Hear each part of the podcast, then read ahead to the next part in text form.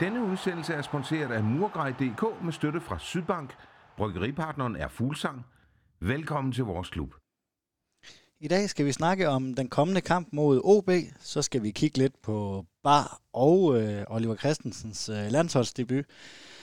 Øh, vi er lidt øh, minimeret her i studiet. Vi skulle faktisk have været tre, men vi fik et øh, sidste sekunds afbud. Derfor sidder jeg sammen med Frederik Hesbjerg. Er det korrekt? Det er korrekt. Og jeg tænker, at nogen af kender din stemme fra Stemmer fra Ådalen, øh, så vi har ja. lånt lidt ved en øh, kollega. Tak, Martin. Øh, du er jo glødende OB-fan, men øh, Frederik, kan du ikke lige fortælle lidt om det, dig selv og dit tilhørsforhold til, til OB? For det er jo dem, vi skal, øh, sønderjyske, og undskyld, jeg kommer til at sige vi. Det kommer vi garanteret til. Det bliver lidt forvirrende i den her udsendelse. Jamen, det er første gang, jeg er med i sådan en uh, citationstegn konkurrent-podcast. Uh, jeg hedder Frederik, 26 år gammel, uh, har været OB-fan siden 2003, hvor vi spillede mod Røde Stjerne, og det blev transmitteret på, på Danmarks Radio, og så var det jo ligesom det hold, jeg skulle holde med, på trods af, at jeg er fra Vestjylland af. Øh, men når man er i et område, hvor at, øh, der er tre klubber, der hæver en, øh, Brøndby, FCK og Midtjylland, og man selv er lidt vågen omkring det der, så var det egentlig meget forfristende at møde et hold, der ikke træk i en, men som stadig ikke spiller noget, noget svingende fodbold. Og siden da der er jeg så holdt ved. Og siden 2018 tror jeg, jeg har været med et par gange, eller mere, øh, i Stemmer for hvor jeg så også øh, ja, siger min ærlige mening om OB. Det er i hvert fald rart også, og nu har jeg hørt din stemme en del gange på ansigt på os, så det er, er ganske fint. Kunne jeg byde dig noget at drikke for vores sponsor Fuglsang? Øh, der er lidt af, lidt af hvert. Det er lækkert, øhm, sådan øl der. Ja, vi skal, vi skal jo øh, vi skal snakke lidt om, øh, om landsholdet, fordi at øh, både Sønderjyske og, øh, og øh, OB havde jo en øh, debutant med her i den forrige kamp nu er det jo lidt, nu havde vi jo en, en nu skulle vi også have haft en sønderjyske fan med, så vi kunne klasse lidt der, men hvordan var det at se en uh, griben fra Kataminde i, i buret i sådan en kamp, uh, selvom at der, der var så mange afbud, som det var? Altså, selvfølgelig er det fedt, fordi at sidst OB havde en landsholdsspiller med, øh, der var det Emil Larsen, og det er alligevel en spiller, som man har nogle holdninger omkring, i hvert fald som OB-fan. Øh, meget splittet holdning. Øh, så det er rart, at der kommer en ny spiller ind, og så er det også første gang siden Rasmus Falk, at der kommer en egen udviklet spiller ind på landsholdet. Og det så også er en indsats, han kan være bekendt. Altså, han har ikke har leveret noget, hvor man tænkte, det var nok sidste gang, han spillede der, men han har faktisk leveret en indsats, hvor man tænker, der er jo mulighed og grobund for, at han kan blive udtaget igen. Det synes jeg er positivt og opløftende. Og så kan vi jo skide hul i det der med, at øh, han selvfølgelig har ageret, hvad må det være, 5. 6. mål, men på trods af af afbud og corona for, for alverdens andre spillere. Øh, så et eller andet sted er jeg jo bare glad tilfreds for at se, at altså, det er der, han er i hierarkiet. Øh. Ja, for jeg sad også, øh, selvom at, at den her kamp, og jeg har også, øh, jeg tror også, jeg har skrevet på, på Twitter, at, øh, at man skulle aflyse den her kamp, fordi at, altså, på grund af alt det her corona-vanvid. Men da, da bare han, øh, han scorer til, øh, til 2-0, der må jeg indrømme det, jeg tror det er første gang i en landskamp, jeg har jublet over en scoring. Altså det, det, det gjorde et eller andet, øh, ja. det gjorde et eller andet ved mig, fordi at det er, han er ikke ejerudviklet, han er jo faktisk også Fynbo, ja. men, men at det var en af vores spillere, altså sønderjyske spillere, det gjorde meget for mig. Ja, det tænker jeg også. Altså, jeg tror mere også ved OB-fans, tænkte, at det var en skam, man ikke skrev med ham tilbage i 15-16 stykker, da han var til prøvetræning. Øh, lige så vel tror jeg også, at det betyder noget for jer, det der med, at man har en, en spiller igen på landsholdet, og sidst, det snakkede vi også om, før vi gik på jo, der var det jo Johnny Thompson. Øh, og Johnny Thompson har jo også, øh, fik også en karriere, men altså, jeg tror, der er mere potentiale i bar på, på sigt. Ja, fordi det var altså... Hvad, hvad er vigtigst, tror du? Altså nu, sønderjyske spillere her har scoret, men øh, jeres spillere har, har holdt clean sheet. Det er vel øh, to øh, succeskriterier nærmest øh, ja, måle altså, op jeg, jeg, jeg synes, det er svært at måle op, fordi du kan jo altid score med et mål i en kamp. Du kan ikke levere med et clean sheet, et clean sheet per kamp. Øh, så for mit vedkommende tror jeg, det handler om, at at Oliver har leveret en indsats, han kan være bekendt, og det samme har Alexander Bar også. Altså, øh, så jeg synes, det er svært ligesom, at sætte dem op på hinanden, fordi de spiller forskellige positioner. Har, du, har vi haft en venstre bak med, og I har haft en højre wing med, jamen, altså, så kunne man måske godt snakke om at sammenligne, fordi så, ja, du ved. Men ellers, så synes jeg bare, det handler om at kunne levere en indsats, man kan være bekendt, og det synes jeg begge gjorde. Jeg synes ikke, at der var nogen af dem, der faldt sådan helt vildt igennem. Altså, øh, selvfølgelig kunne man da godt se, at de var, de var lidt nervøse, men altså, de spillede jo en ganske fornuftig kamp. Øh, jeg har set værre landsholdsdebuter, øh, hvor det også er blevet til noget, jeg tror også på, at der er mere af dem her. Øh, og jeg kunne godt forestille mig sådan som Alexander Bar, hvis han bliver skudt af øh, lige om lidt, forhåbentlig, øh, i forhold til OB og point og stilling og hvad der nu er, så tror jeg sagtens, han kunne være mere med gamle landsholdet. Og det samme med Oliver selvfølgelig også. Ja, jeg tænker ikke det her. Der var jo bud for, fra Slavia Prag her ja. Øh, i, i, i sommerpausen, var det jo efter os. Vinduet kan man jo nærmest kalde det jeg tænker også, at, at det her det har i hvert fald ikke uh, forringet en spillers værdi, hverken, hverken Oliver eller, eller nej, bare. Nej, altså jeg, jeg ved, jeg, Søren Sjovn, for jeg så det lige har skrevet på, på sin blog på Nordic Bet, at uh, der, der lå bud i det leje, der hed 2-3 millioner euro. Øh, og i, hvis Heisen ikke slår til der, øh, til vinter, så synes jeg, at det er et, et, noget af et sats, fordi det er jo ikke garanteret, at bare han spiller til sommer, hvis han kommer med til 21 EM. Øh, lige så vel, så kan jeg simpelthen ikke lige se, øh, hvordan han ellers skal presse prisen højere op. Jeg synes, at øh, 3 millioner euro, lad os bare antage det, det er 25 millioner øh, danske kroner. Det er egentlig ganske, ganske, ganske fint alt for en spiller, man ikke har givet alverden for. Øh, og som trods alt kun har spillet, jeg må til den tid, så var tre år i klubben. Altså. Øh, så altså, kan du til Heisen, Heisen, hvis han kan sælge det til noget større end 3 millioner euro. Øh, ja. Jamen, øh, du er jo her i studiet i dag, fordi vi også skal snakke om, øh, om OB Sønderjyske, en, øh, ja. en kamp, vi glæder os til. Der har jo lige været øh, landskampspause. Hvordan har du det som, øh, som OB-fan? Vi sidder altid, mig og Søren, vi sidder altid og brokker os over de her ja, lange. Det det, Hvordan har du det? vi har det virkelig svært. Jeg synes, det er, jeg synes, det er jo egentlig kedeligt, og specielt de her med corona, fordi så synes jeg jo, at kampene, øh, også fordi jeg, jeg, synes også, jeg synes Nations League er ikke så super interessant. Jeg synes, at kamp er endnu mindre interessant. Øh, og når der ikke er noget på spil, sådan, hvor man kan se direkte, okay, vi kan kvalificeres til EM eller VM, eller vi er til EM eller VM, så har jeg svært ved at gejle mig op, og når det så betyder, at, at det, går ud, det går ud af, hvad hedder det, øh, hvad hedder det, Superligaen, så falder min interesse øh, fuldstændig. Jeg synes jo, at Superligaen er mere interessant, fordi der er noget nærvær, øh, i og med, at du kan tage ud relativt nemt og se dit hold spille. Øh, minus corona selvfølgelig, og det er lidt sværere med landsholdet, hvor det er en blanding af forskellige spillere, som ikke nødvendigvis spiller i nærheden af dig, eller har en øh, fodboldopvækst i nærheden af dig. Så jeg synes, at det der med nærheden, det betyder ufatteligt meget, og det er også det der bestemmer, om jeg er engageret i en kamp. Det handler om det der med, hvem spiller, og hvor tæt er det på mig, og kan jeg engagere mig i det. Jeg synes jo sådan personligt, at, øh, at i hvert fald Nations League, det har gjort noget bedre end de her uh, træningskampe, der ligesom har... Uh, enig, altså. Har, jeg er også enig på den front, at, at selvfølgelig er det rart, men jeg synes, at det er det system, der ligger bag Nations League, og hvad det skal føre til i forhold til kvalifikation, det har jeg stadig til gode og helt at se pointen i. Det, der kan jeg godt følge dig. Jamen lad os uh, gå videre til uh, OB Sønderjyske. Vi uh, skal endelig starte op igen. Det er, det er nummer et. I skal møde uh, hold nummer et. Det havde I nok ikke troet. Det havde Nej. vi heller ikke troet før. Hvis, øh, hvis jeg sådan må spørge dig sådan lidt udefra, nu er du jo øh, fodboldkender, og jeg forventer ikke, at du kender indgående til Sønderjyske, men, øh, men har en bred fodboldviden. Ja. Hvordan, har du så, hvordan synes du så, at Sønderjyske sæson har været? Det er jo, det er jo et ret påduttet spørgsmål, når man ligger ja, nummer ja. et, men, men stadigvæk, øh, er det fortjent nok, at øh, vi ligger deroppe, hvor vi gør? Altså et eller andet sted synes jeg, at Sønderjysk har leveret det, jeg forventer af dem sidste år. Jeg synes, at holdet så i hvert fald i forhold til, at der blev hentet ind, der tænkte jeg, holdt der fast. Altså Bangor og Albæk og... Øh, øh, som, som to ting, hvor jeg tænker, okay, det er jo noget, der godt kan reelt ændre et hold. Altså en erfaren midtbanespiller, og plus en, hvad hedder det, en, øh, en forsvarsspiller med ufattelig mange kampe i GGA, som, som stadig har videresalgspotentiale, kombineret med en gardenmand, øh, som var skulle op på sit højeste niveau der. Jeg havde virkelig stor forventning til Sønderjyske sidste år, øh, så det, de har leveret i år, er lidt det, jeg forventede sidste år. Øh, så kan man jo bare se, at de har ramt øh, plet i forhold til, til Hardy Wright. Øh, jeg synes, det, det er et sats, og det har jo så haft et payoff nu øh, så er det jo bare, om han kan bygge videre på det, og, eller så han ikke ender som en, øh, en Celestre i OB, som også havde en kanonstart med fem mål i tre kampe, for efter så bare at falde fuldstændig ud. Øh, så, for, så for ham, right, det handler om at vise, at nu handler det om at kunne bygge videre, lige så vel skal holdet også vise, at, at den her bølge, de bygger på, øh, er på lige nu, den skal de øh, kunne vedligeholde. Øh, også selvom der har været en pause, også selvom Wright sidder ude nu. Altså, at øh, alle kan, hvad hedder det, øh, øh, øh, bidrage til sejren her, således at det ikke er bundet op på right, eller den for, for den skyld også Anders K. Øh. Ja, fordi at uh, Anders K. det er jo en øh, god kending af, af dig. Øh. Ja. Hvordan er det at se ham øh, blomstre i en, øh, altså vi kommer tilbage til det der uh, Mart Lider skifte. Vi, vi teasede den lidt i sidste ud, udsendelse med, uh, med, med, med, der er sket, så det kan være, at du kan gøre os lidt klogere på det. Du sidder lidt og, lidt og griner. Det kan også ja. være, at vi skal bare skal, vi skal tage vi, den nu. Lad os tage den nu så. Altså. Der er jo det her med, at uh, inde på OB's uh, debatforum, inde på ja. ob.dk, der er der en bruger. Han virker egentlig uh, meget, meget velinformeret. Han virker, det er ikke en one-liner, det er jo nej, nej, en, ja. en fin tekst, han har lavet derinde. Gå ind og kig lidt. det er en bruger, som har skrevet rigtig mange indlæg. Det er ikke ja. bare en, der lige har oprettet en bruger for lige at fyre noget pisse af. Nej, og han er kommet med det her med, at, øh, at, at OB skulle øh, kigge ind til at kunne sagsøge Sønderjyske for, for det her. Jamen, det blev jo til et salg af, af Mart Lider. Øh, hvad, hvad siger du til hele den her situation?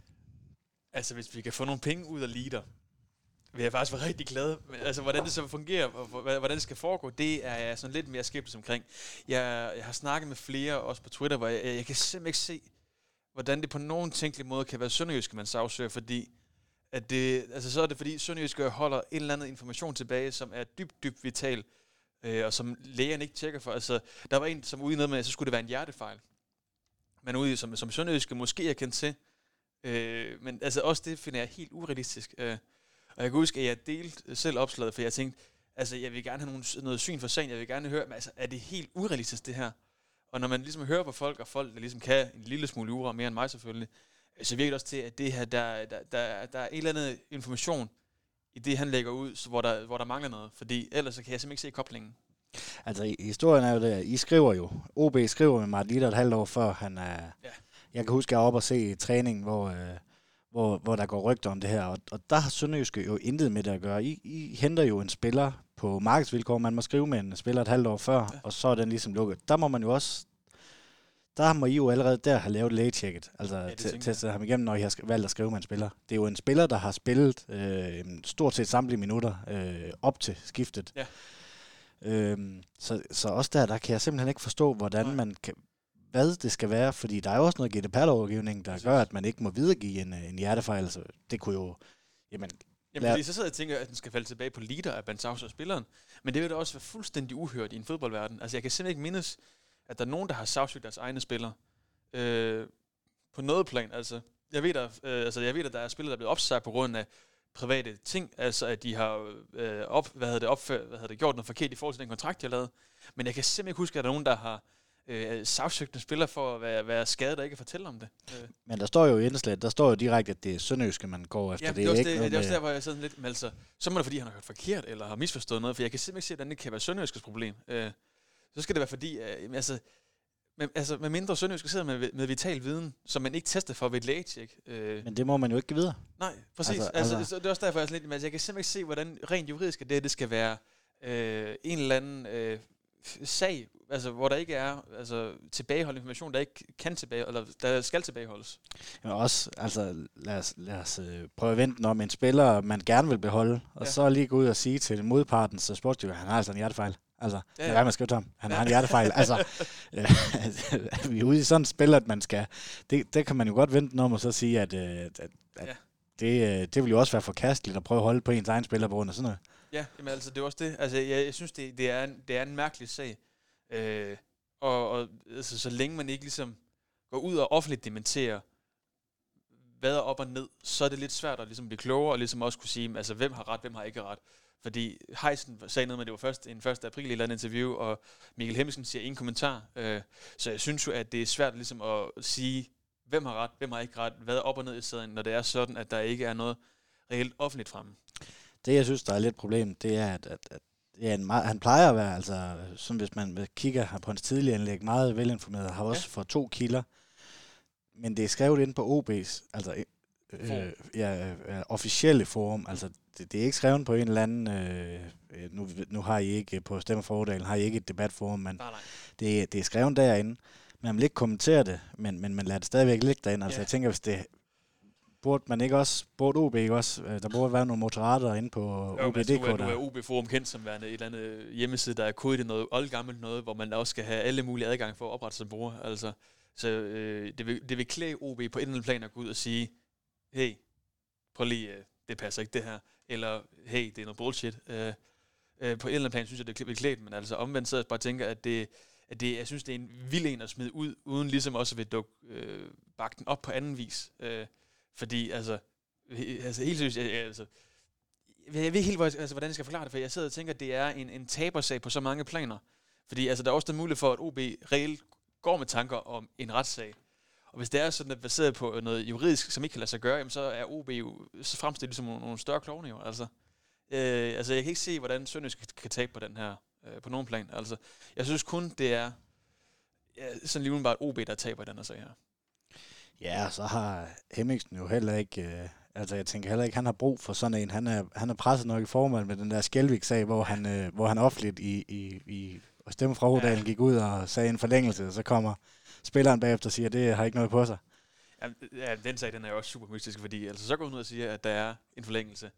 Og man sidder og venter på, at OB selv melder den ud, og så tager Leif Rasmussen fra Fyns.dk fat i øh, uh, Sjælvæk og siger, hey, tillykke med forlængelsen til et interview, og øh, uh, Sjælvæk siger, jeg har ikke skrevet under. Uh, Og så må Henriksen ud og sige, jamen okay, jeg var måske lige lidt for hurtig. Og sådan som Sjælvæk har præsteret her i efteråret, så jeg tænker, altså det er jo lige før, det faktisk godt kunne blive, kunne blive en vindersag for Hemmingsen, at han ikke har lavet en 3-4-årig kontrakt med, med, med Sjelvik, fordi hvad han får i, i Galaxy i løn, altså han skal gå ned med 80% i løn, før det ligesom er inden for OB's rækkevidde, og hvor det også kan betale sig for OB, og med de præstationer, han har leveret, plus den skadeshistorik, han har. Altså jeg, jeg, jeg synes næsten, at helt utilsigtet, så ender Henriksen faktisk med at blive en, en sejrsager, for det har kun været et år, hvor man betalt, hvad jeg anser er en favorabel pris for en, i potentielt set en ret god bak, men som bare ikke har leveret det, man har kunne forvente, fordi han er kommet skadet og skulle have brugt tid på at så spille sig op, og så har der været corona, det har ikke hjulpet ham efterfølgende. Øh, så ja, nej, han har brug for en vindersag, og den er svær at opdrive, fordi forlængelsen med Max Svinger var kun på et år, og samtidig fik man heller ikke solgt øh, Sander Svendsen, da han var ligesom var, var hottest, øh, og man fik ikke rigtig hentet en erstatning ind for Basken Kadri. Altså han har brug for en vindersag, øh, for det er ikke Mikkel Hengelsen, der skal ud og annoncere nyt stadion, det er nogle helt andre typer. Så han skal ud og levere enten en, en stærk forlængelse, eller spillersalg, eller spillerkøb, og han har ikke vist noget indtil videre, og samtidig så er der også øh, et større problem med det agentnetværk OB har, det er, at det er ret, ret kom, ikke komplekst, at det modsat, det er ret meget centreret omkring nogle enkelte faktorer, øh, hvor du, altså hvis du går ind på transfermarkedet og tjekker, hvem, har, hvem de enkelte spillere har som agent, jamen så er de ret meget, øh, nogle ret få agenter, de bruger, plus de spillere, som ikke har den samme agent, altså nogen, Mikkelsen kender fra tidligere, for eksempel Sander Svendsen fra hans tid i, øh, i Hammerby, eller Jebali fra de gange, han har spillet mod ham i, i Allsvenskan. Øh, så jeg, har, jeg vil gerne positivt overraske som Mikkel Hemmelsen, og han kan næsten kun positivt overraske nu, for jeg synes ikke, at han har leveret noget hverken kommunikativt eller øh, i forhold til spillermaterialer det er jo egentlig meget sjovt, hvis man kigger på, på OB's bænk, og nu bliver det måske også en, øh, det kan godt være, at det måske bliver lidt meget OB-snak. Vi prøver at krydre den lidt med lidt, lidt sønderjysk, men nu, Frederik, ja. nu har du jo mest forstand på OB, så det er jo også spændende også. Nu har I jo en, øh, en cheftræner, vi også øh, kender, ja. kender ganske godt. Hvordan, øh, hvordan går det for den kære Jakob i, i OB? Det kommer jo an på, hvem du spørger. Altså, jeg kan jo egentlig godt lide ham, men jeg synes også, at øh, hans pragmatiske tilgang har nogle problematikker, øh, og jeg er virkelig bange for, at med, at, øh, med tre seneste kampe, vi har haft, øh, med undtagelse af nederlaget øh, sidst øh, mod Brøndby, at vi simpelthen øh, at vi kommer tilbage og kommer til at spille sådan noget defensivt øh, kontrafodbold igen, som man så i store dele af efteråret 2019, øh, hvor det var ret meget med fem mænd i bagkæden, og så øh, sats på, at Basken Kate eller Sander Svendsen øh, klaskede til bolden en gang, og så var heldig på at ramme målet. Øh, jeg synes, at de første tre kampe var noget af det mest positive i fodbold, jeg længe har set. Øh, ikke siden Mikkelsens øh, første sæson har jeg set noget positivt som det der.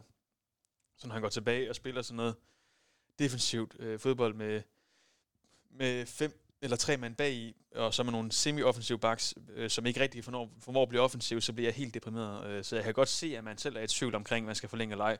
Omvendt, øh, da jeg snakkede med Mikkelsen selv øh, i forbindelse med Stemmer for der var det også en klar vibe af, at Mikkelsen skal have et projekt. Han skal ikke bare have en, en ny kontrakt med samme vilkår, han skal sættes ind på et projekt, og så må det jo så være, om det er flere penge, eller om det er bedre lønvilkår, eller om det er øh, en ny øh, hvad hedder det, målsætning i klubben, det, det ved jeg ikke, hvad han vil have. Men jeg kan bare godt mærke, at det, han skal sættes ind på, er ikke øh, det, det samme. Det skal være noget nyt på et eller andet plan. Så hvis han skal forlænge, så er der noget nyt på bordet.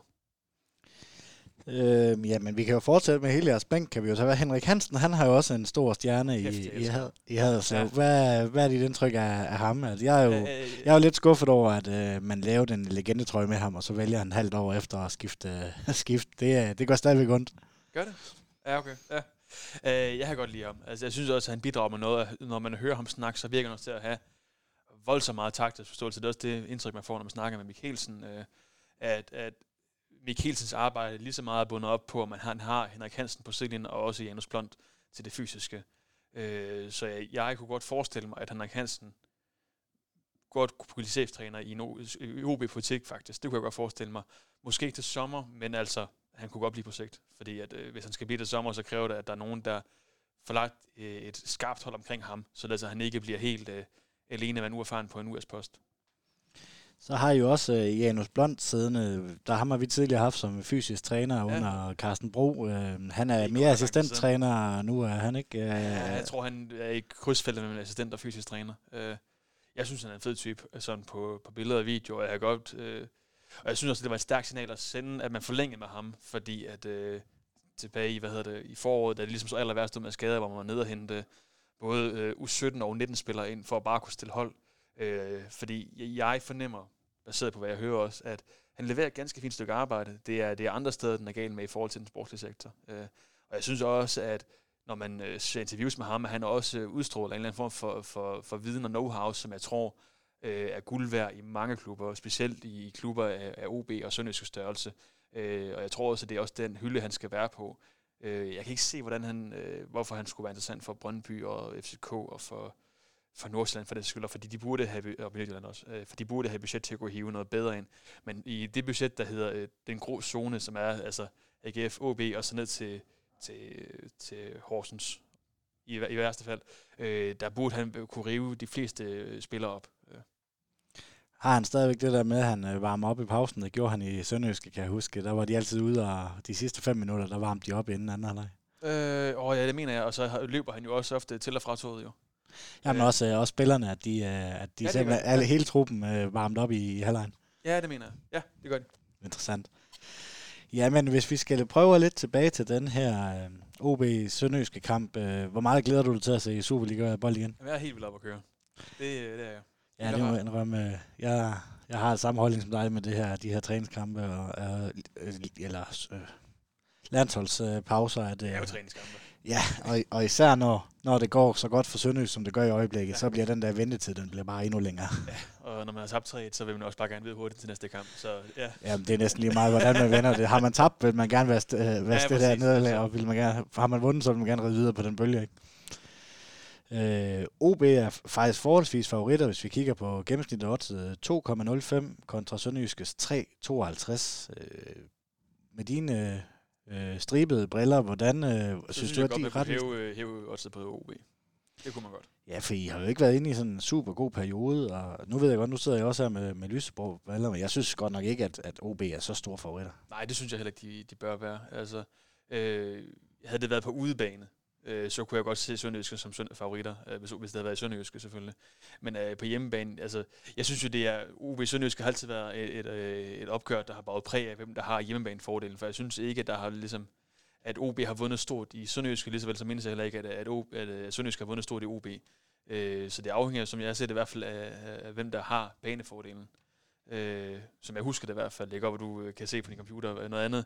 Øh, men altså, jeg synes ikke, OB burde være så store favoritter, som de står til. Øh, for mit vedkommende kunne man godt sætte den til, til 2,40 måske. En, en smal favorit for hjemmebane fordel.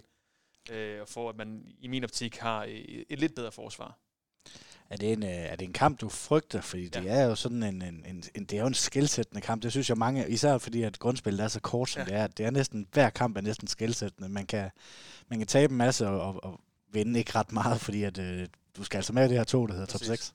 Ja, det synes jeg er enig. Altså, det, altså, det der argument med, at man skulle have flere talenter at spille ved at øh, have slutspil med og det hele, synes jeg ikke, at man øh, har vundet indpas på noget, plads overhovedet, øh, på noget tidspunkt overhovedet i forhold til strukturen her. Jeg synes, du får selvfølgelig flere spændende kampe, enig, øh, men det betyder også lige nu, at alle kampe tæller 1000 øh, i forhold til, til point. Øh, så jeg er altid nervøs, og omvendt synes jeg også, at at OB Sønderjysk altid har været sådan en, en, en, øh, en, hvad hedder sådan noget, en, en kamp, der ligesom betyder ret meget for, for begge klubber, fordi for OB er det, vil man jo gerne distancere sig for, for Sønderjysk og de der andre klubber, som man i den sted vurderer sig til at være bedre end både mål på spillermateriale, men også i forhold til historie og i forhold til, til klubben som helhed, at det er jo en klub, man gerne vil distancere sig fra. Lige så fornemmer jeg også, at Sønderjysk gerne vil, vide skære om OB, fordi at, øh, det er en klub, man gerne vil måle sig med, men hvor man gerne vil undgå, at at man øh, lader spillere gå til, fordi de søger et bedre tilbud. Lige så vel vil man også gerne kunne tiltrække de samme spillere, som OB tiltrækker.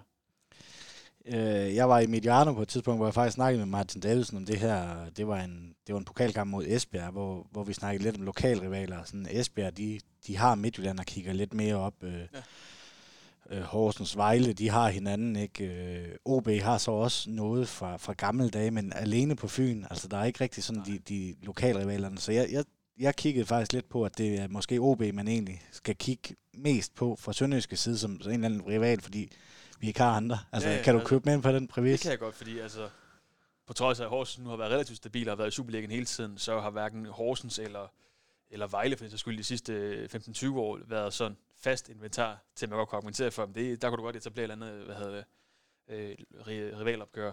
Omvendt så tænker jeg, at OB Sønderjyske kunne være et fint opgør, fordi du har ligesom to øh, områder i Danmark, hvor der er relativt få fodboldklubber øh, i Superligaen og på højt niveau. Altså, du har, du har Fyn, hvor der er middelfart, og så har du øh, Svendborg, Dalum, Næsby og, øh, hvad hedder det, Marienløs også, som ligesom frekventerer anden dimension. Øh, og så har du det, det samme med om, hvem her jo, altså du har jo Sydvest, og så har du, ja, Kolding er vel så i første division nu, men altså du har relativt få fodboldklubber, der, der øh, du kan hvad hedder, konkurrere med, og så må du også kan forvente, at der kommer et lokalopgør på sigt.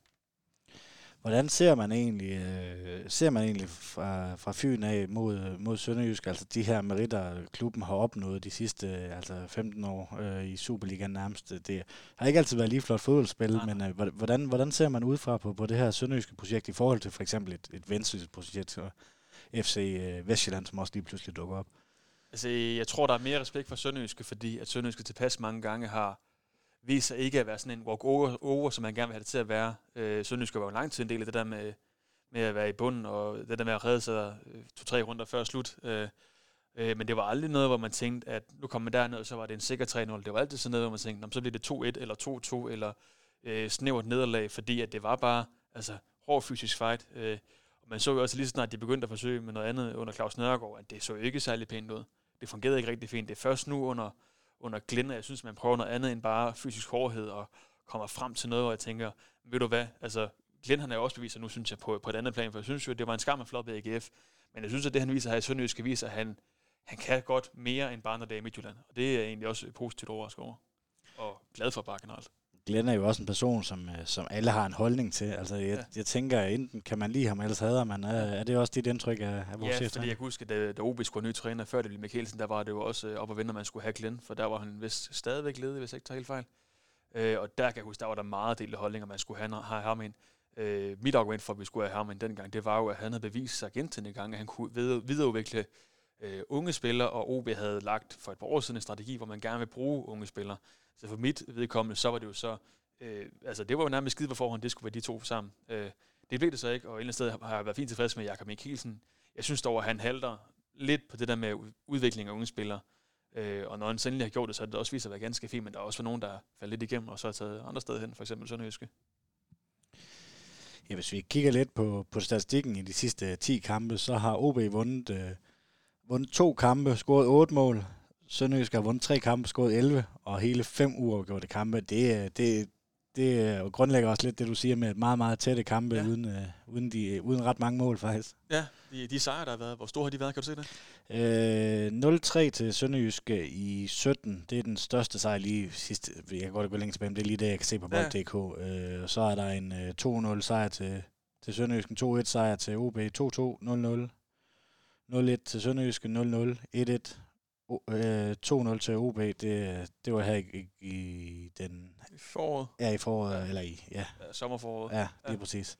Ja. Så det er, det er nogle tætte kampe. Ja, det er også det. Og så husker jeg bare ufattelig mange gange, hvor jeg tænkte, nu var den hjemme på, på Sydbank Arena, og så har man smidt det hele, eller også har alt andet gået i stykker, og så har man øh, smidt point, eller tabt point, eller sat en føring over styr. Øh, så jeg husker det, Øh, jeg husker flere kampe på Sydbank Arena, hvor jeg bare tænker, for helvede, altså. At hvor man har smidt nogle point, hvor man tænkte, den burde være hjemme, eller Sønderjysk har været en dårlig steam, og så har man ikke selv kunne spille bold. Øh, øh, så ja, det er nogle øh, tætte kampe. Altså det er på et eller andet plan, uanset hvem der har været træner, om det så har været Ken Nielsen, om det har været øh, Carsten Bro, eller om det har været øh, Lars Søndergaard, om det har Jakob Mikkelsen på begge sider. Altså det har aldrig været noget, hvor man tænkte, øh, det bliver sådan en her slags kamp her. Det bliver altid nogle øh, spændende kampe, uden at det er pænt fodbold, synes jeg. Altså, jeg kan simpelthen ikke huske den der gode, velspillede uh, OB Sønderjyske kamp, hvor begge hold kom ud og leverer fed fodbold. Altså, jeg synes altid, det har været sådan noget uh, smadderbold, altså, hvor der virkelig er blevet gået til den, og så har man vundet på, at der har været nogle, nogle lucky shots, eller man har uh, fastholdt pres i længere tid.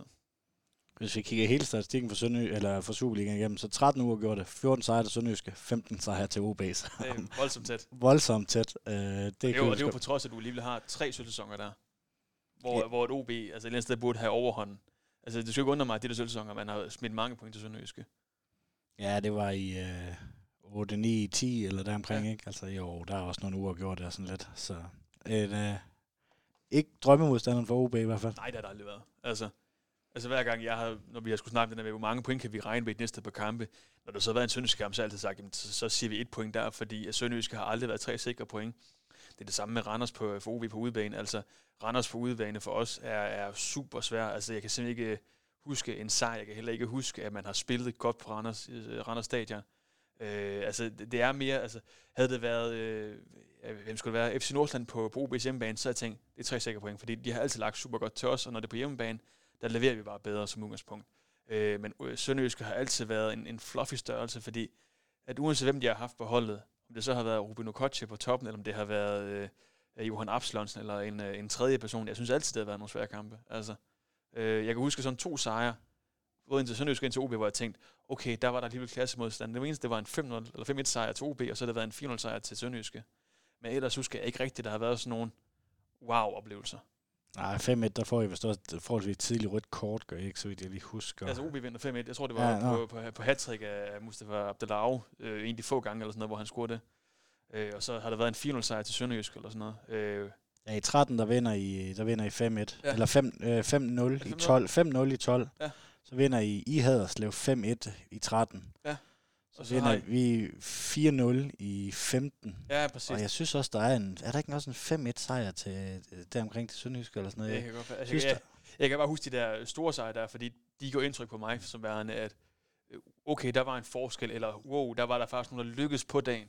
For jeg synes aldrig, der har været noget, hvor man tænkte, okay, det var 2-0, og det var velspillet, eller det var en sikker 1-0 sejr. Jeg synes altid, det har været altså, krampagtigt på en plan. Altså, jeg synes jo også, at den der 1-1 sejr, vi havde, eller 1-1 kamp, vi havde øh, lige en nedlukning, hvor der var intet, der spillede. Øh, altså, jeg synes virkelig, det var noget af det grimmeste fodbold, jeg længere set. Øh, øh, hvor der bliver, altså, hvor OB kommer foran 1-0, og så, tre, så, bliver, så kommer, nej, har rettet, der er to straffespark eller sådan noget. Altså, det er 1-1-kampen her i... Ja. Altså, det husker altså være noget af det grimmeste fodbold, jeg længere set. Fordi det var bare en smadret bane. Der var ikke nogen tilskuer, og det regnede, og vejret var gråt, og det var marts-februar. Og det var også, hvis vi skal tage spillerne, det var også den kamp, uafgjort ville sende jer i, i top 2 i den her nedrykning, og, Nå, ja. og vi ville være sikre på, at Lyngby ikke kunne nå os. Okay. Så vi, ja. øh, bare han scorer øh, 77, og så scorer Hyllegård i 80, så det ja. er lige øh, Men jeg husker, masser af gode Jeg kort. husker, det har stadig som værd, og har jeg godt, der bliver også brændt i straffespark. Mm, uden var det ikke, nej. Nå, okay, jeg husker bare et straffespark på det tidspunkt. Nå, never mind. I hvert fald, jeg husker det bare som værende en super grim kamp. Det, det, det husker jeg det også øh, altså, som... Øh. Og jeg kan simpelthen ikke huske, når der har været sådan en, en, en OB Sønderjyske kamp, hvor man tænkte, wow, begge hold gik fra banen og spillede godt. Altså. Nej, øh. Hvorfor, er det, du, hvorfor tror du, altså nu er du jo ikke, øh, ikke, ikke fodboldtræner, men hvorfor tror oh, du OB... Har, nej, ja, okay, men, øh, men ikke, ikke, ikke Ej, helt deroppe. Øh, hvor, der er forskel på UTI på Superligaen. lidt. Men, men hvorfor tror du, at, at, lige præcis Sønderjysk, at, at OB har så svært ved at, at spille på Sydbank Park? Jamen, jeg tror, det, jeg, tror, helt, jeg tror, det handler om mentalitet i forhold til, hvor man ser klubben hen, og hvor man selv vil gerne vil være. Fordi, altså, som jeg sagde lige før, jeg tror, OB vil gerne distancere sig mere fra Sønderjyske. Der, og når OB skal vinde, så har de bare ufatteligt svært ved det. Lige så vel, så vil Sønderjysk gerne være i OB's position i forhold til placering i, i det der Superliga-hierarki, øh, hvor jeg tror, at uden at fornærme nogen, at langt de fleste har OB som en større klub end Sønderjyske. Og der tror jeg at der gerne, at Sønderjyske vil have OB's plads. Øh, så for dem tror jeg bare, at det handler om, og med, med, med alt, hvad den kan hive og trække, at de skal bevise over for omverdenen, at nu skal de simpelthen være på højde med OB ved at slå OB. Så jeg tror helt naturligt, at, at det, det handler om den mentalitet, du har om det andet hold, inden du går ind til kampen. Hvor længe kan sådan en, altså nu ved jeg godt, at I har nogle også forholdsvis nye meritter med nogle sølvmedaljer til i, det i ja, det, men, men alligevel, øh, hvis, hvis vi tager pendant til Vejle, som, som ikke har været, ikke været Superligaen i, i ni år, eller sådan noget, inden de rykkede op igen, har før, de der sidste medaljer, de er tilbage til ja, 90'erne nærmest, ja. ikke, hvis det ikke er længere tilbage. Øh, jeg, jeg er faktisk på sin vis enig med dig om, at, at både Vejle og OB er en større klub end Sønderjyske, men hvor længe kan altså, hvor længe kan det holde? Altså, på et tidspunkt, der må være noget. Altså, nu, hvis vi tager Midtjylland øh, Esbjerg øh, ja, ja. For, for 15 år siden, der var... Der var det faktisk det lige nu, nu, nu er det ikke for at sammenligne Sønderjyske og, og Midtjylland overhovedet ikke, men, men på et tidspunkt, der må det der med, at øh, jo, jo Odense er Danmarks øh, anden største by, eller tredje største by selvfølgelig, øh, det, det der styrkeforhold, det må, på tid, der må, det, der må begynde at fade lidt ud, i og med, at et andet hold begynder at, Gør det bedre det, bedre. Det, det, det bliver den dag, hvor der er et hold, der et trækker fra og manifesterer sig i den ene halvdel. Fordi OB var jo lige ved at gøre det med øh, i, i sølvsæsonerne, men så vælger man så at sadle om, og efterfølgende har det jo været, har det været øh, ren og skær gråzone i forhold til placeringer. Øh, så den dag, hvor en af holdene trækker oprigtigt fra, og ligesom manifesterer sig, om det så er Sønderjyske, der manifesterer sig i top 6 konstant, altså bliver den fjerde sekser, eller om det bliver øh, OB, der gør det, det, det er for så det underordnet. Men lige så snart man begynder at gøre det, så har du i hvert fald en klar indikator, øh, indikator på det. Lige så vel, så handler det også det der med, hvor mange tilskuere kommer der på, på, på lægterne, fordi det synes jeg også spiller ind, det om det er en stor klub eller ej. Altså, for i mit, i mit hoved er Nordsjælland også en stor klub, men det er på nogle andre forudsætninger, fordi det er jo ikke dem, der trækker voldsomt mange tilskuere. Øh, og det er det samme med, med forhold til også det der med budgetter og med løn. Øh, jeg tror også, det betyder noget, det der med, altså hvem kan du række, hvad hedder det, øh, lokke til klubben. Øh, så lige så snart, at, at der ligesom er også er, altså, altså nogle placeringer, man kan måle mere mærkbart på. For lige indtil videre, så jeg bare tænker, at, at hvis du tog i gennemsnit af, hvad OB og Sønderjysk har lagt på de sidste 10 år, så tror jeg faktisk, vi ligger relativt tæt. Øh, så lige så snart du har en af de klubber, der, der distancerer sig eller markerer sig kraftigt på en eller anden plan, så tror jeg, at du nemmere vil kunne sige, at altså, så er den større eller mindre end. Ja, og så er der jo noget historisk i det. Altså, der er jo de her øh, jamen, nærmest øh, hæderskronen klubber, der er OB, OB, altså de der virkelig, virkelig klubber, der bare har altid har været her. Ja, ja, altså, altså, der er jo 1887, altså det er jo også lidt svært at holde altså det er jo lang tid at gå tilbage, altså. Og så uanset øh, hvad, hvad, du vil, altså der er jo bare forskel på det der med at være etableret i, i 1887 kontra år 2004. Hvad for noget? 2004. 2004. Altså, jeg ved selvfølgelig godt, det er en overbygning, men stadigvæk, der er jo bare forskel på det. Og så tror jeg også, det handler om det der med, jamen, vil, hvordan er oplandet? Altså, nu ved jeg ikke, hvordan holdningen er i Sønderjyske, og hvad hedder det, Sønderjylland generelt til Sønderjyske, men, men, i, men i Odense, der er der jo hele tiden været, øh, der har været 9, der har været 13, der har altid været øh, kvali- øh, i stationstegn kvalitet for den forstand, og der har altid været et hold, der spillede i den øverste række, eller flere hold for det skyld. Så der har altid været ufattelig meget fodbold i Odense. Øh, så jeg tror også, det er det, det handler om, det der med, med altså, hvad er historikken i nærområdet? Øh, og jeg kender ikke, hvad, hvad, hvad historikken er i Sønderjylland. Øh, jeg kan kun snakke ud fra, fra mit øh, eget hjemstavn som Holstebro, men også i forhold til Odense. Og i Odense, der har der bare altid været ufattelig mange fodboldklubber i forhold til, hvor, hvor situationstegn få mennesker der er. Øh. Yes. Lad os øh, endnu en gang prøve, jeg håber, I, I lytter med derude, og vi hopper lidt frem og tilbage hele tiden, og det er, det er interessant at få nogle andre, fordi når mig og for eksempel Søren sidder her, så kan vi jo godt sidde og snakke lidt, og, lidt internt og, og lidt blå så det er rart at få lidt, uh, lidt syn for sagen udenfor det, lidt, lidt objektiv uh, Jeg glæder mig til at snakke med Søren igen. Altså, vi har gået efterskole sammen, så jeg glæder mig til at bare trash talk ham omvendt. Altså. Jamen, jeg tror også, at han er, han er meget ked af, at han, er, han alligevel ikke kunne være her i dag. På, øh, på Sønderjyske hold, nu har vi talt om Alexander Bar, men hvem frygter du, øh, hvem frygter du for det hold? Hvem kan gøre ondt på, på OB, hvis, øh, hvis du skulle prøve at sætte dig i, øh, hvis du skulle sætte dig i Mikkelsens stol og så sige, de her tre spillere skal du holde øje med fra, fra Sønderjyske, hvem vil du så... Jeg vil, jeg vil sige, så øh, alt det offensive, så både right, jeg ved godt, at han ikke spiller, hvem skal så spille her? Er det PC, vi, øh, Peter Christiansen, vi udviser? Ja, det, det kunne jeg forestille mig, ellers måske han spiller med en angriber. Ja. Eller... Altså, Julius Eskelsen og hvad hedder det, Bar og hvad hedder det, øh, Anders K. og Steffen Gardenman. Det er sådan øh, fire spillere, hvor jeg tænker, dem vil jeg egentlig gerne have på mit eget hold også. Øh, og det synes jeg er sådan en fin præmis for at sætte op for det der med, altså hvem skal man holde øje med. Og jeg synes også, det er fire spillere, der har leveret rigtig godt. Øh, så dem vil jeg nok holde øje med, for jeg synes jo, at, at at Anders K. har fået den opblomstring, han har brug for. Altså han har brug for luftforandring. Øh, øh, hvad var det? Fire år han har været i OB, og til sidst der var det jo bare gået i kage og i gråzone, og det er super deprimerende at kigge på. Så han har jo fået den opløsning, han har brug for. Det samme med Julius Eskesen, han har også fået den opløsning. Lige så vel så har Steffen Gardenman vist, at, øh, at det der med at tage til Sønderjyske som på et sted i karrieren, der, hvor det ikke var mest naturligt, øh, det har vist sig at være rigtig godt for ham. Han har fået spilletid, øh, spilletid han har fået tillid, og han har vokset som opgaven. Øh, så ham vil jeg også gerne øh, vil jeg også passe på, for jeg synes faktisk, at han er en rigtig dygtig forsvarsspiller. Og kunne, øh, kunne egentlig godt pynte i, i noget Midtjylland, hvis det skulle være som en erstatning for, for Scholz og Svirtjenko. Øh, men jeg tror ikke, han ender der. Øh, men det, det er sådan en spiller som ham, jeg godt kunne tænke mig i OB også. Ja, også forholdsvis ung. Altså, der forholdsvis han har... ung, videresalgspotentiale, godt skolet, kan noget med fødderne, kan også noget med hovedet. Øh, god fysik også. Hvem, øh, omvendt, hvem øh, vil du så sige, at, øh, at jeg skulle som, som sønderjyske træner skulle være meget opmærksom på i OB?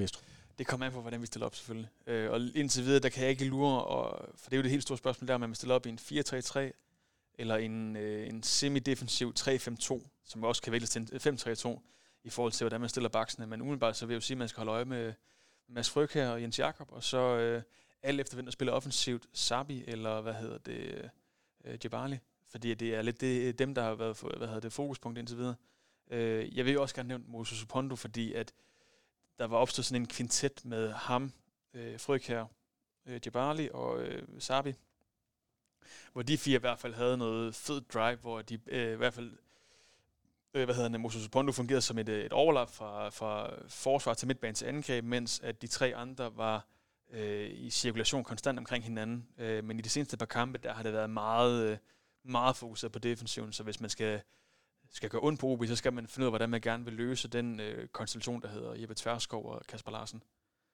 Ja, for det er i hvert fald også to... Øh jeg kan se her mod Brøndby, der, der stillede de op i en øh, 3-4-3. Øh. Kunne du forestille dig, at det var noget af det samme, man ville prøve på hjemmebane mod Sønderjysk? Jeg tænker, det, det skal vel også give et mere offensivt øh, udtryk? Det gjorde den jo bare ikke lige, at hvis du vinder, øh, sådan som, sådan som den spillede den der, så var det nærmest øh, 5-2-3, altså hvor du havde de der bakser, så meget kom de heller ikke med frem. De virkede øh, ikke forstyrret, men de virkede sådan meget konfus omkring, hvad, hvad deres rolle var. Øh, både Ryan Johnson og Jørgen Schelvik er jo offensiv backs, men altså Jørgen Schelvik har simpelthen øh, i den sæson ikke formået at slå et ordentligt indlæg endnu. Altså jeg kan simpelthen ikke huske, hvornår, altså, hvornår han sidst slået et ordentligt indlæg. Og Ryan Johnson er jo øh, kommet tilbage fra noget skadesværk, så han skal stadig spille sig varm.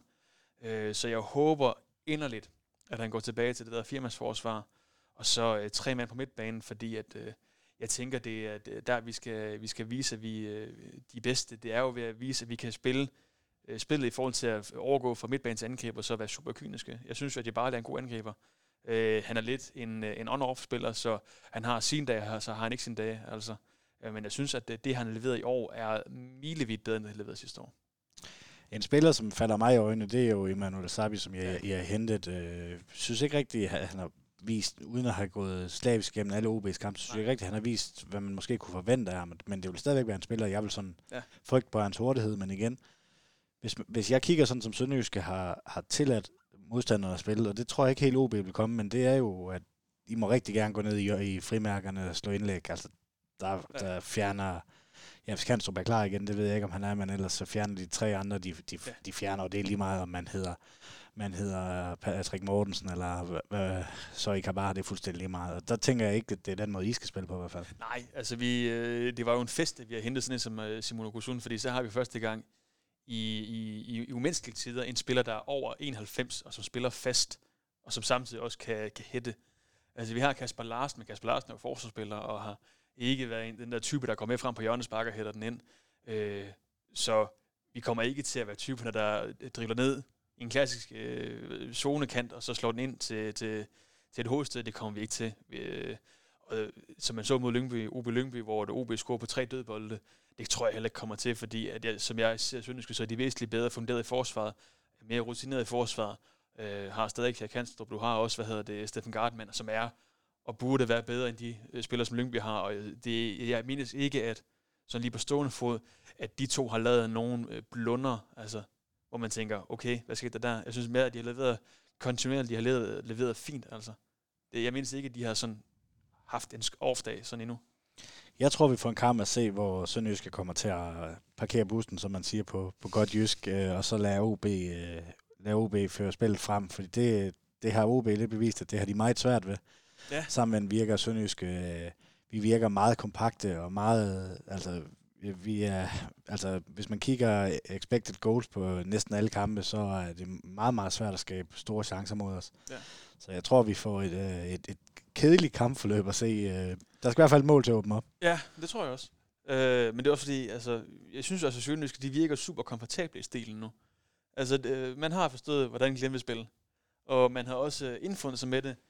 Øh, så der er ikke nogen, der ligesom øh, skiller sig ud på den måde, at man lige tænker, at man har en eller anden form for, for tækkende bombe, som man har set i andre klubber. Det der med, at, at øh, så jeg kan bare virkelig nogle gange til at køre lidt han så arspil sammen med Evander for eksempel også.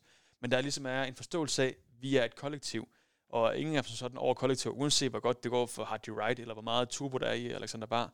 Det virker til, at der er en kollektiv forståelse af, at vi er sønderjyske, og der er ikke nogen, der overholder.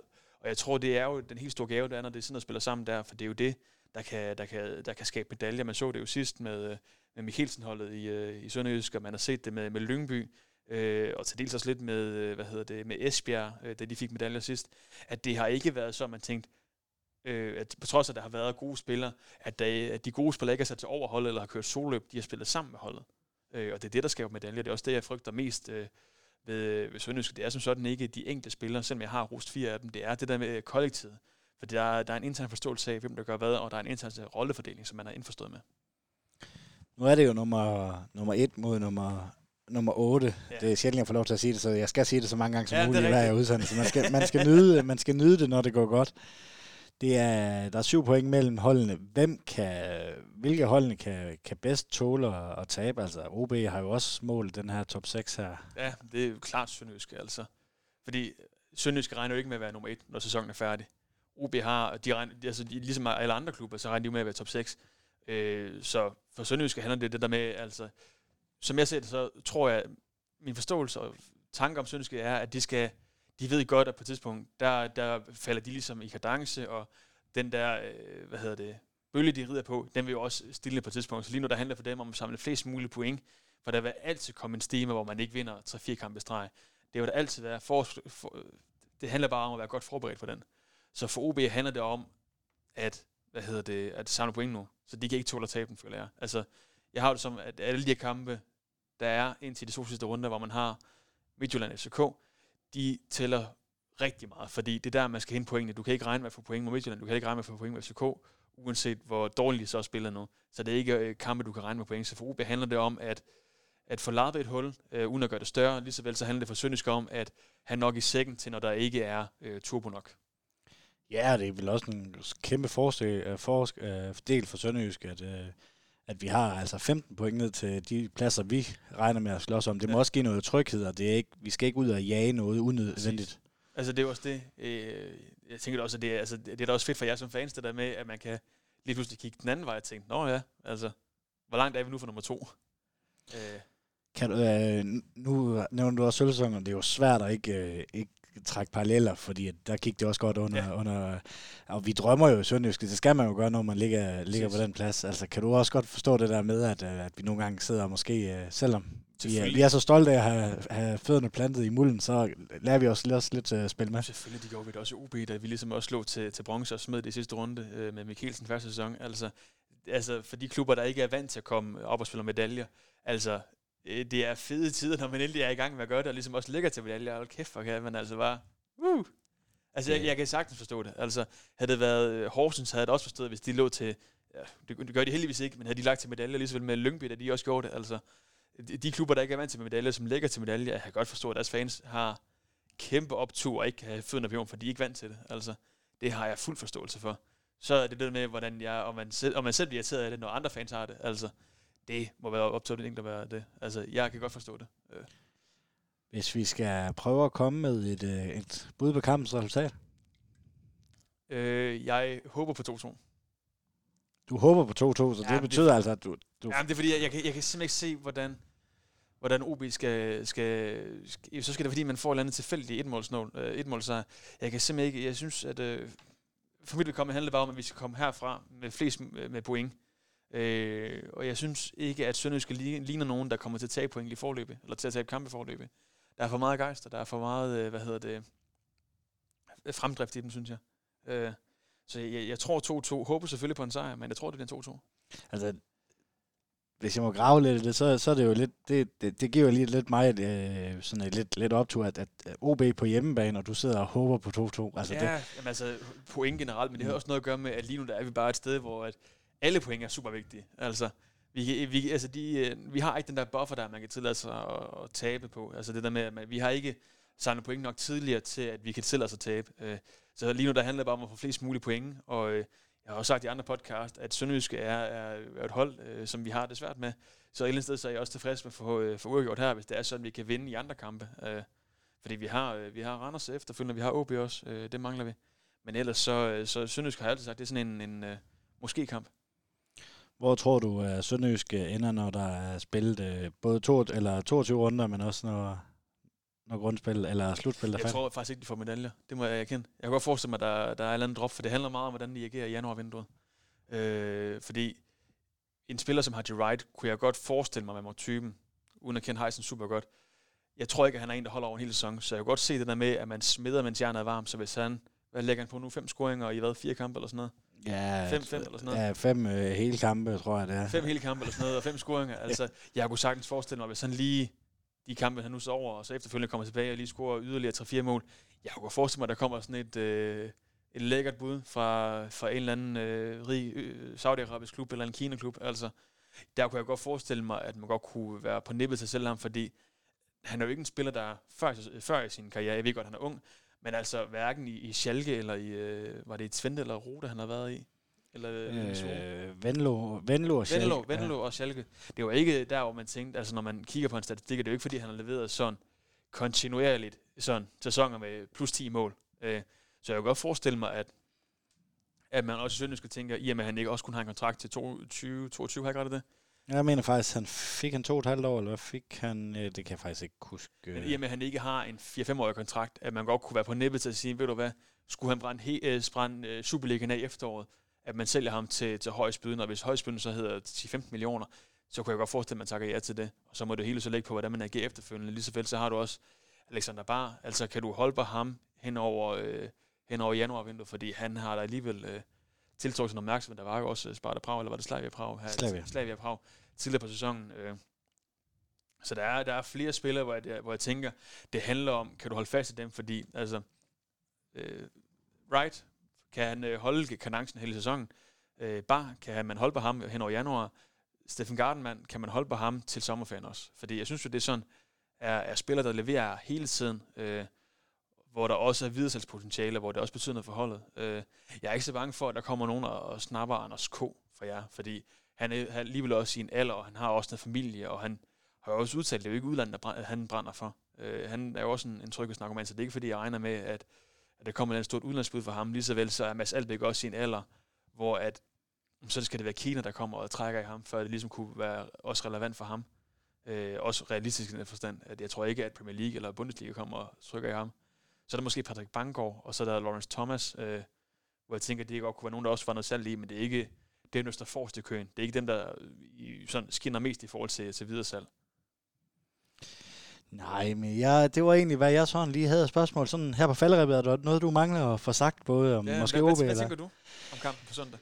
Øhm, jamen, det er også sådan en kamp, jeg synes, der er skældsættende for sæsonen. Hvor, hvor langt er det her Glenn-projekt? Øhm, ja. OB er også et sted, som, som du også har været inde på, at, et svært sted at spille. Øh, jamen, var det sidste eller forrige gang, hvor vi var over, hvor, hvor, vi, øh, hvor I blev snydt af en øh, linjevogter? Ja, det var, det var forrige gang. Ja. Øhm, der sad jeg i Estland og var super irriteret. Altså i sidste minut, altså, og man kan se den efterfølgende på, på video, at han havde ikke offside. Nej, det er for... Jeg var, kæft, jeg var sur. Ja, men det havde jeg også været. Altså, på det samme måde, lige så sur, lige så grinagtig var jeg jo flabet, fordi ja, det, er jo, det, er jo, det, er jo, det er jo også det, fodbold kan. Jamen, øh, altså, som jeg har tænkt op til, eller til, til, til Horsens kampen, til Randers kampen, det er her, vi skal ligesom vise, at det er nogle flotte meritter, øh, FCK, øh, eller FC Midtjylland, Brøndby, OB, øh, som vi har vundet. Ja. Men de her steder, hvor vi ofte har haft det svært, og sidste runde mod, øh, mod Horsens, det lignede bare sådan en kamp. Det lignede en typisk sønderjysk kamp, at det var der, man gik op, og så, så smed man det hele i start, ja. og så blev det alligevel, fordi ligaen er så tæt, så blev det alligevel sådan en nogenlunde start, fordi at man er ikke længere fra noget som helst alligevel. Præcis, men det er også det, vi snakker om, det der med, at det der tog der, man skal, altså, for OB er det jo mere definerende, om man kommer med eller ej. Fordi at, øh, den her kamp her, altså, det er, i min optik, på trods af, at, det, at Sønderjyske er så langt foran, som de er, så er det på en eller anden plan en sekspunktskamp, fordi der skal jo ikke, går mange resultater den forkerte vej, før man så tænker, så er der alligevel pludselig lavet et hul, hvor at så OB Randers ligger, og så er der stadig så er der 3-4 point op til, til, til, til, hvad hedder det, til top 6. Eller mere for den skyld. Ja, jeg tror, det var Peter Brygman på Mediano, der sagde, øh, hvis han havde livestillingen på, så var der syv hold på førstepladsen i sidste runde. Vi startede derop, øh, ja. hvor det så, så var Nordsjælland der lige oppe i tre minutter. Og sådan ja, lidt. præcis. Altså. Så det beviser også bare, hvor tæt den her liga er, og det er noget nemmere at falde af, af toget, end det er at blive på det. Ja, og på det for den skyld også. Altså, man ser jo, altså også FCK har jo også problemer med at øh, få den til at køre nu, og der har det også taget konsekvensen af. Og, og spørgsmålet er også det der med, altså, kan de nå at komme i gang, og hvor meget kan de spille der, altså, hvor mange af dem var for skole i, i Ståle, og det samme med, med Midtjylland, kan de, altså, hvor mange point kommer de til at tabe hen over øh, hvad hedder det, efteråret i forbindelse med Champions League, og Sønderjyske kan de holde, hvad hedder det, toget derhen, og hvordan reagerer Brøndby øh, og spillerne, når de ved, at, at øh, Niels øh, Frederiksen han kun er der et halvt år endnu, og ja, så er der AGF, kan, kan de holde tur i den med, med David Nielsen, altså hvor langt, øh, hvor lang tid kan de leve højt på, på det, de gør, Øh, fordi alle hold, uanset hvem det har været, skal jo hele tiden have ny energi udefra, og skal hele tiden øh, Øh, tilføje nyt, så de ikke bliver læst. Altså man så jo det samme med Brøndby og Soniker, at lige pludselig så var de jo også læst, så hvis folk jo godt, jamen, så skal de bare stille sig tilbage og, og køre den på kontra. Øh, så spørgsmålet er, jeg synes, der er mange spørgsmålstegn i Superligaen. Spørgsmålet er bare, hvor mange øh, point de enkelte hold kommer til at tage i forhold til den øh, buffer, de har. Øh. Ja, en ting, vi kan i hvert fald blive enige i, det er, at det er en øh, utrolig interessant øh, sæson. Øh, nedrykning, det er en, ja, det er lige før jeg næsten ville synes, at det var ved at være afgjort. Altså, det er jo helt vildt, de to hold, vi har ja. vundet. Men omvendt, hvad har de, øh, 8 point op nu, eller sådan noget. Altså, ja. det er to-tre to, to, sejre, ikke? Så, så er de jo med igen, så Præcis. der er jo heller ikke mere end det. Du slutter af med et slutspil i begge ender. Altså, og det så vi jo også, det vi set før, vi så det ikke så meget sidste år, hvor du også har Silkeborg fuldstændig isoleret, men ellers så har du jo set det der med, at, at når det er så små ligaer, og på trods af store pointtab, altså, det er jo tre fire kampe, og så er det hele vendt på hovedet. Ja. Hvem tror du bliver mester? Åh, oh, det er fandme et godt spørgsmål, fordi jeg er virkelig... Altså, i, i det værste tilfælde kunne være AGF. Fordi at, jeg synes jo faktisk, at det er sådan, på hvad de har leveret, spillerne de har, så synes jeg, det er der, hvor der er mest at hente. Omvendt så jeg bare tænker, Aarhus og AGF-fans vil være helt forfærdelige at lytte på efterfølgende. Og, så, ja, det er og, også... og, Brøndby, og Brøndby synes jeg bare ikke er øh, gode nok til at blive mestre. Øh, jeg synes helt oprigtigt talt, at, at Brøndby mangler et eller andet, mangler noget Tupau, noget, øh, noget, noget Kapau på et eller andet plan. Jeg synes ikke, at de, jeg synes, at Brøndby har spillet over niveau. Altså med undtagelsen af kampen mod OB, så har jeg ikke tænkt, at Brøndby var sådan, wow. Jeg synes, der er en fed integration af de unge spillere, men jeg synes ikke, at, at de er gode nok til at blive mestre. Og så er der OB, som er, har et spændende hold, spiller super kedeligt. Så er der FC Nordsjælland. Kan de gøre det? Ja. Så er der FC, FCK, og det FCK er i en genopbygningsfase. FC Midtjylland har, hvad hedder det, Champions League her i efteråret. Så det er, det er ikke nu, de kommer til at hive point hjem, sådan skulle man formode. Så jeg har virkelig svært at pege på en vinder. Og jeg vil også, øh, jeg ved ikke engang, hvad oddsene siger. Altså, hvem, hvad siger oddsene på en, på en Superliga-vinder for I? Altså, udenbart vil jeg sige AGF, men det har jeg da også virkelig, virkelig, virkelig svært ved at sige. Jamen, det er vel også sådan et år, hvor øh, men mesterskabet, om det er billigt til salg, det, det kan man vel godt kalde det, i og med, at øh, det kommer også an på, hvor, hvor, hvor stærkt Midtjylland slår igennem efter det her, de her seks kampe, 0 point i Champions League og så videre. Præcis, det er jo det samme med, med, med nogle af de der øh, bronzemedaljer, der har været de sidste par år. Der har man jo også bare set, det har været til rekordfå point, fordi at så har du haft et, et, et, et øh, toholdsløb i, øh, i, i slutspillet mellem FCK og Midtjylland, eller FCM, og hvad hedder det, øh, hvad hedder det, Brøndby, eller Brøndby FCK. Øh, så det handler jo om det der med, jamen, altså, altså hvem kan, altså jeg tror ikke, jeg tror ikke det bliver billigt til salg i år, for jeg tror, der må, på et tidspunkt, så må der være nogen, der stikker af. Der må være nogen, der, øh, der, der ja, altså, som holder en steam på mere end bare tre kampe. Midtjylland giver 1,80. Ja. Øh, FCK giver 5,50.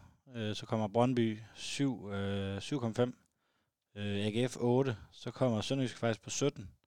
OB på 19. Og så er der et kæmpe spring ned til FC Nordsjælland på 41. Ja. Og så er der Vejle 51, og din klub 81. Ja. Så, øh, altså, så skulle man være lidt, hvad hedder sådan noget, økonomisk anlagt, synes jeg godt, man kunne spille på OB til 81. Det synes jeg er voldsomt højt. Jamen, jeg, synes, jeg regner heller ikke at de kommer derop. Jeg, altså. jeg kunne da også godt smide en sparskilling på, på Sønderjysk til 17. Det, ja. vil, det, vil jeg være, det vil jeg da være fint tilfreds med. Men jeg synes, at Midtjylland til 81, det synes jeg er lavt sat indad med, der gerne sætter pænt ud, de har leveret på det seneste. Men altså, jeg vil rigtig gerne, altså, man har jo det tætteste program nogensinde, som jeg lige husker det, for Midtjylland, men også bare i Superligaen generelt. Altså, man spiller jo til rekord sent, altså. Ellers den 20. Den 20. december ja. har vi sidste kamp, ikke? Altså. Jamen, altså, det er lige før, man kan nå at tage kigge efterfølgende, og så gå hjem til juleland. Ja. Altså. Man kan sætte ni, før man går til kamp, ja, så, hvis man er langt til starten. Jamen, øh, Frederik, det var egentlig, øh, hvad jeg havde. Øh, har du noget her på falderevet? Nej, lyt til stemmerfordelen, når jeg lyst til det, hvis jeg lyst til det. Det, øh, det kan anbefales. Ja. Øh. Eller læs min blog om estisk fodbold. er der en ny uh, Andrei Sidorenko på vej til... jeg arbejder faktisk på et interview med ham. Nå. Uh, han spiller jo stadigvæk uh, på det ældste hold i, i Estland. De, han skal til at spille nedrykningsspil nu for uh, TRK Lekin. Uh, uh, har, de har positivt overrasket, vil jeg gerne understrege, og det har han også. Han har flere gange med på, på Rundens hold. Uh, spiller stadigvæk, uh, men spiller også på et hold, hvor gennemsnitsalderen er 30 plus. Hvor gammel han vil være 36, eller hvad? Jeg tror faktisk, han er, tættere på, han er lidt tættere på 40. Jeg tror, han ligger på... Jo, 36, det er ikke helt urealistisk. Uh, men jeg arbejder på at få interviewet de der spillere, der spiller i Superligaen. Øh, alle otte, så det er til at lave både uh, Hannes Anje og Anders Ober og Umas Ruba og uh, Karl Mølle, dengang han var i HB Køge, og Sidorenkov. Uh, og der har været 4-5 andre spillere også, men altså det er jo ufattelig få spillere, og mange af dem er stadig aktive. Øh, Kamasak øh, fra Silkeborg jo, og Vejle også. Øh. Interessant. Ja. Det, men det, jeg vil også gerne anbefale, anbefale Stemmer for Odal. Det er en udmærket podcast, og Martin var faktisk også lidt med at hjælpe mig i gang med udstyr, så det er... Uh, lyt til den, hvis I vil høre lidt om... Uh, jeg glæder mig også til at høre deres optag til Sønderjysk OB. Den, uh, den kommer i dag. Det, er du også med den? Nej, desværre Nå, okay. Jamen, uh, så vil jeg gerne sige tak til Frederik Hesbjerg. Jo tak. tak, tak fordi du gad at komme til, uh, til Kolding, uh, som vi så optager i dag. Ja, jo tak. Moin. En stor tak skal lyde til Fuglsang, Sydbank og Murgrej.dk. Uden dem var denne podcast ikke mulig. En stor tak skal også lyde til dig, der lytter med. Uden dig var der ingen grund til at lave denne podcast. Vi sejser møg, mandetak. tak.